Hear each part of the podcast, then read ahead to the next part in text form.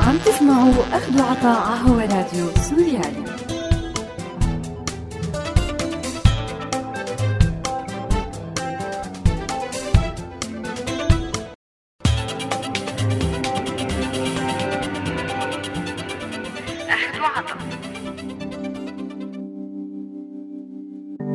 عبر أكثر من سبعة آلاف سنة تركت لنا الحضارات يلي تعاقبت بسوريا إرث ثقافي غني بكافة المجالات بحيث أنه كانت مدن سوريا القديمة مراكز للحضارة الإنسانية.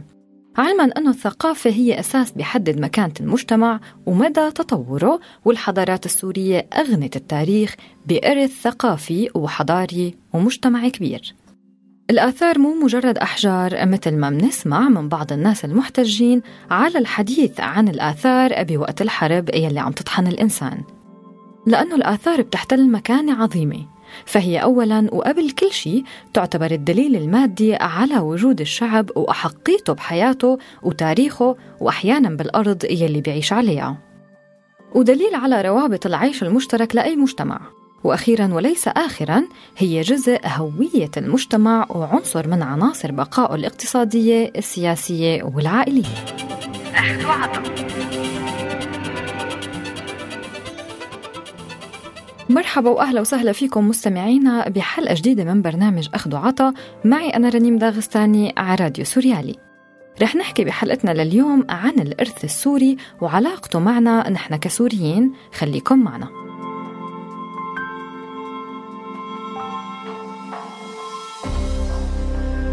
سوريا بتحتوي على العديد من الآثار القديمة يلي فيها إرث تاريخي بيعبر عن مدى أهمية موقع سوريا. وتوالت الكثير من الحضارات كالصليبية، الأيوبية، المملوكية، السبارتية والعثمانية. الشيء اللي بيعطي دليل على الأهمية الاستراتيجية لموقع سوريا. فبإيبلا ومملكة ماري كانت أكبر المكتبات. وأوغاريت وتدمر وشهبة وأفاميا وبصرة ومعلولة وسيدنايا وغيرهم كانوا مراكز إشعاع ديني وثقافي بالتاريخ. وقامت أقدم الحضارات الإنسانية بمدنها ومناطقها شرق سوريا. وكانت دمشق مركز للعلم والثقافة بعصور مختلفة. أما بالعصر الأموي فكانت دمشق عاصمة لأكبر دولة إسلامية بالتاريخ ومنطلق للأدب والشعر والعلم والعلماء والثقافة. وتأسست المديرية العامة للآثار والمتاحف بعد استقلال سوريا سنة 1946 لتقوم بحماية الآثار. وبرزت مهامها خلال السنوات الأولى من الاستقلال بالكشف عن معطيات التراث السوري والحفاظ عليها وإجراء الدراسات الخاصة بالمكتشفات الأثرية. ومع تطور العمل الأثري وتزايد الاكتشافات اتسعت مهام المديرية العامة للآثار والمتاحف وتعددت مسؤولياتها العلمية والإدارية لتشمل كل المدن والمناطق بسوريا. ليبلغ عدد الإدارات التابعة لها قرابة الخمسين بين دوائر آثار بالمحافظات ومتاحف وإدارات مواقع وشعب آثار مختلفة. تعمل بموجب قانون الآثار. مهمة الإشراف على سير العمل الأثري بسوريا وإبراز معالم الحضارة السورية داخل سوريا وخارجها. ومن المديريات المسؤولة عن الآثار بسوريا مديرية الهندسة. مهمة إدارة المشاريع الهندسية والإنشائية والترميمية الخاصة بالآثار والمتاحف. مديرية الشؤون الإدارية والقانونية. مهمتها صياغة العمل ومتابعته بموجب الأنظمة والقوانين. مديرية المباني الأثرية مهمتها الإشراف على المباني الأثرية والحفاظ عليها وتوثيقها وإعداد الخرائط الأثرية. دائرة إدارة المواقع الأثرية مهمتها إعداد الدراسات الخاصة بالحفاظ على المواقع التراثية وحمايتها وتأهيلها. مديرية الوثائق التاريخية مهمتها الإشراف على الوثائق التاريخية الخاصة بسوريا وصيانتها والحفاظ عليها وتوثيقها. المعمل الفني مهمته القيام بأعمال ترميم للأوابد والمكتشفات أو اللقى الأثرية وإجراء الدراسات العلمية لحماية وصيانة اللقى الأثرية والطرق المناسبة لحفظها وعرضها وإيجاد البيئة المتحفية الصحيحة لاحتوائها.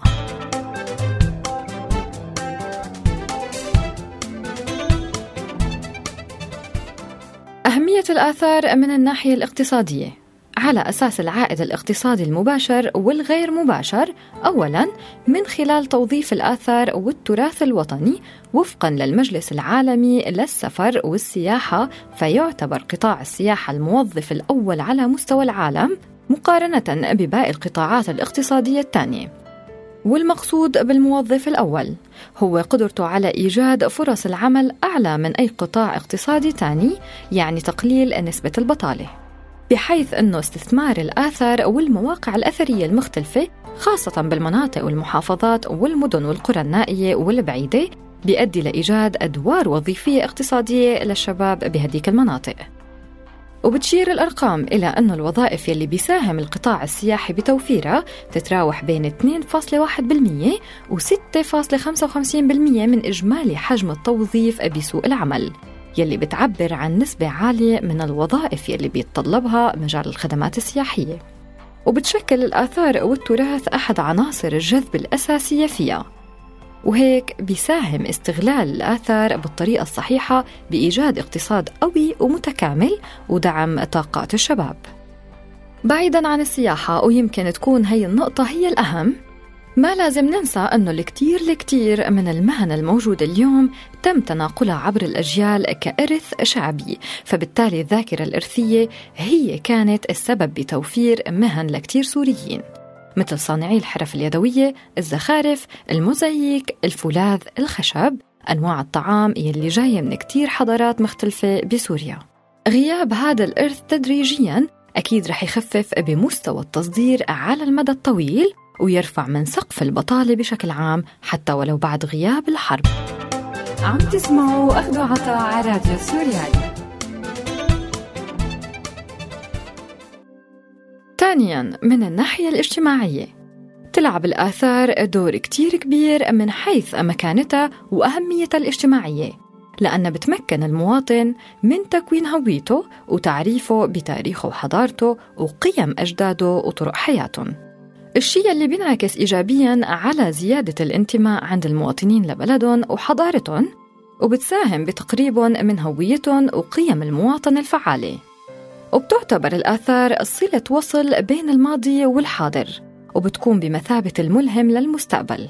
وبيقول بعض علماء الآثار أنه يلي بيصوب مسدسه على آثار الماضي مثله مثل يلي بيطلق مدفع على مستقبل العمران. وهي رمزية لأهمية الاستفادة العلمية والعملية من تجارب الأجداد بصناعة المعرفة العمرانية والمعمارية. فسوريا بتمتلك ثروة من التعبير الثقافي يلي بتعكس الطابع المتعدد الأعراق والمتعددة الطوائف للمجتمع السوري الحالي. وكان للنزاع بين سنة 2011 وال 2016 نتائج وخيمة على المؤتمنين على أشكال التعبير التراثي الثقافي غير المادية وممارسيها.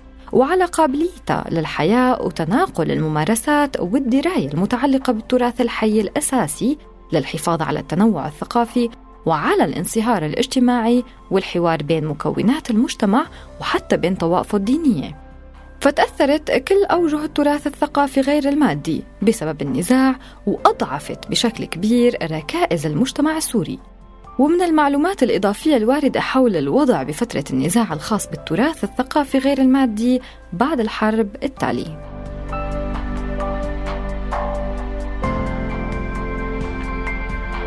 التفكك الاجتماعي النزوح والتهجير الناتج عن النزاع. أمور أثرت بشكل كبير بالممارسات وأشكال التعبير والمساحات وشتتت المعارف والكفاءات. اختفاء عدد من أصحاب المعرفة. الشيء اللي أدى لاختفاء بعض التقاليد الشفهية والدراية وانقطاع بنقلها.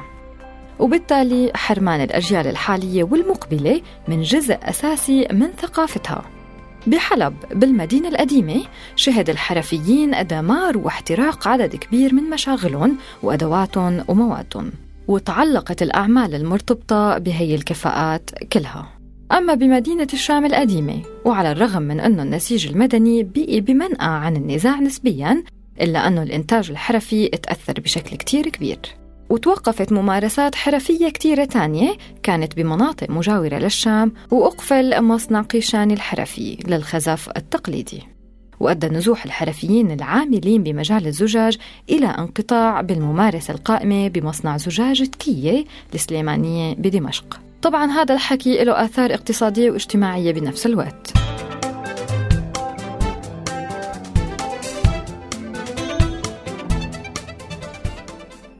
بيحمل التراث أهمية كبرى لدوره الفعال بتغذية العقل الجمعي ومده بالقيم. جنبا لجنب مع إسهامه بتشكيل الوعي العام لهيك كان الحفاظ عليه ونشره ونقله عبر الأجيال والحرص على ضمان استمراريته مسؤولية الكل بدون استثناء. فالحفاظ على التراث اللي بيمثل خيط شعوري بيضمن تواصل الأجيال كما أنه بيحدد ملامح هوية الشعوب. فمن المؤسف أنه يكون هذا التراث عرضة للضياع والهدم وبالتالي الاندثار.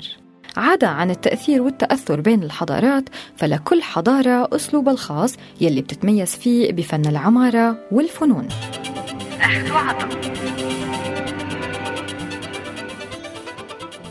من الناحية القانونية تتعرض المواقع الأثرية بشكل منهجي لعمليات التنقيب السرية من قبل مجموعات منظمة تنظيم جيد وهي مسلحة غالباً. اللغة الأثرية المستخرجة من الأهمية بحيث جعلت هي السرقات تجارة مربحة لعديمي الضمير داخليا ودوليا المواقع الأثرية القريبة من الحدود هي الأكثر نهب فلصوص الآثار بيستغلوا موقعها لتنفيذ عمليات التهريب بسرعة للخارج. جرائم الحرب حسب النظام الأساسي للمحكمة الجنائية الدولية المعتمد بروما بتموز سنة 1998 تعمد توجيه هجمات ضد المباني المخصصة للأغراض الدينية أو التعليمية أو الفنية أو العلمية أو الخيرية والآثار شريطة ألا تكون أهداف عسكرية.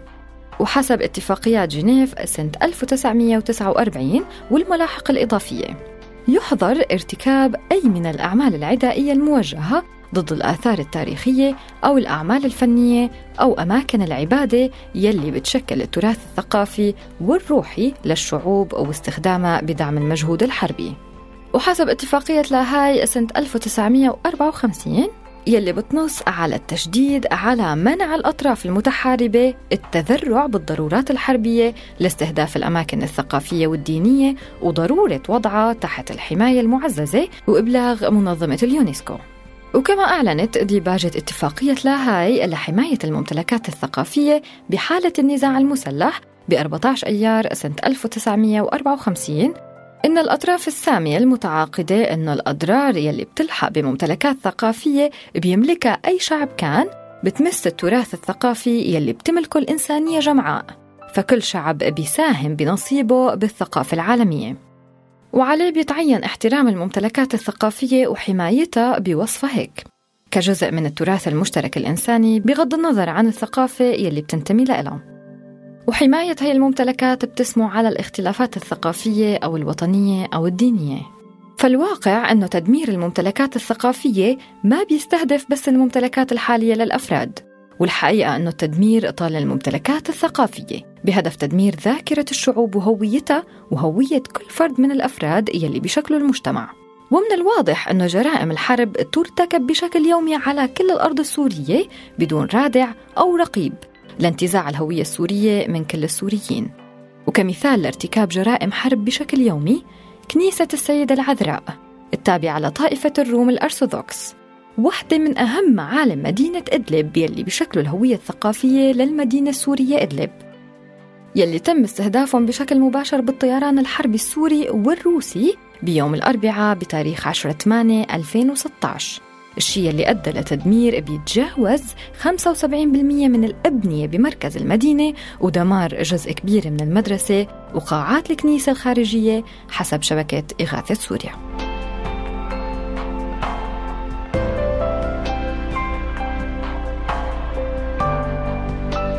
حذرت منظمات دولية عالمية وأهم اليونسكو والمجلس العالمي للمتاحف والمركز الدولي لدراسة صيانة وترميم الممتلكات الثقافية ومنظمة الدرع الأزرق من تزايد أعمال التدمير والسرقة يلي بيتعرض للتراث الثقافي السوري خاصة مع آخر إحصائية صادرة عن المديرية العامة للآثار والمتاحف التابعة للحكومة السورية بأنه أكثر من 450 موقع أثري تعرض لانتهاكات كثيرة ومتفاوتة بين تدمير جزئي وكلي وعمليات سرقة ونهب. الشيء اللي دفع المنظمات للدعوة لصون التراث الثقافي السوري. والتحذير من مخاطر التصدير غير المشروع للممتلكات الثقافية مع التأكيد على أنه تاريخ سوريا وحضارتها مركز اهتمام عالمي لكونها حاضرة تاريخية مركزية بتاريخ البشرية ككل. حسب سوريا حكاية ما انحكت. أخذ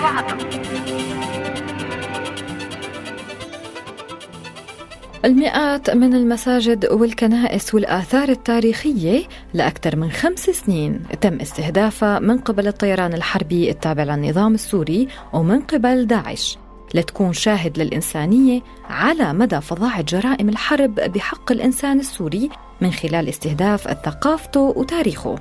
والعجز الدولي عن القيام بدور إنساني يوقف الحرب ويقدم المجرمين إلى المحاكم الدولية. وسوريا بتنعم بتاريخ طويل وممتد لعدة حضارات من عصور ما قبل التاريخ وصولا لأحدث الإبداعات الإنسانية. ولهيك الحفاظ على الماضي ووصله بالحاضر حيكون منارة للمستقبل.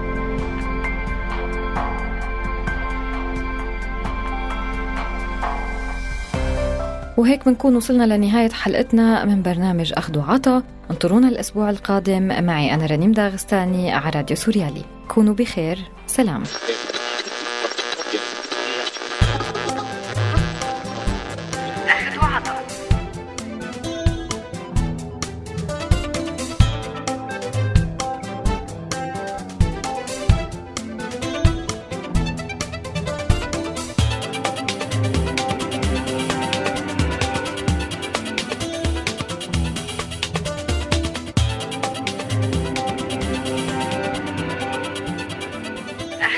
هذا البرنامج من إنتاج راديو سوريالي 2017